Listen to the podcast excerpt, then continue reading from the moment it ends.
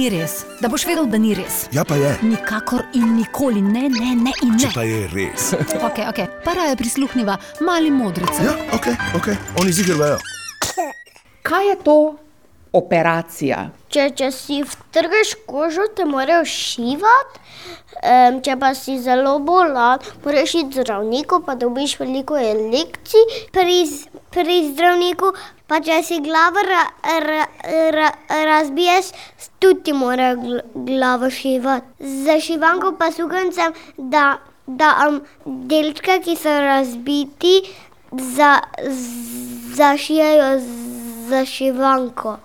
Ja, če si vtrgaš, je resno pomembno, da te hitro odneseš zdravniku. Kdo pa, kdo pa sploh recimo opravi operacijo?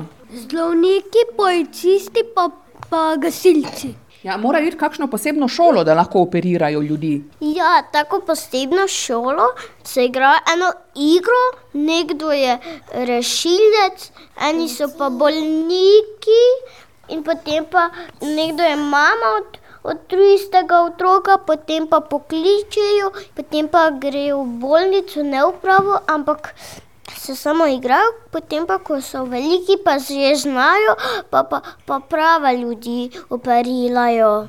Pa, pa ko se operiraš, tudi, tudi pomaga mm, me, mm, medicinska sestra. Ne smemo jokati. Ne sme- Ampak zakaj? Zak- Vse ni narobe, če malo pojokamo, če nas je strah. Kje to ne boli? Kako se torej pripravi zdravnik na operacijo? Da se obleče v, v, v, v posebno uniformo če, in ima lahko tudi masko. Si da take modre ro, rokavice, take plastične. Potem pa, če niso zdrave, pa, pa morajo biti doma.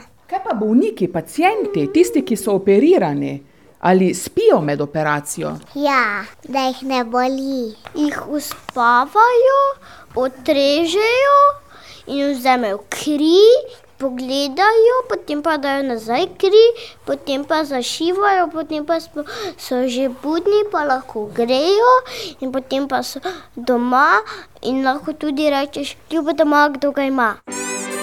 No, vidiš, sem ti rekla. Ja, res je.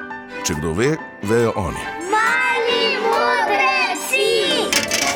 Kaj bo to na radiju ali kaj? Ja, na radiju Maribor.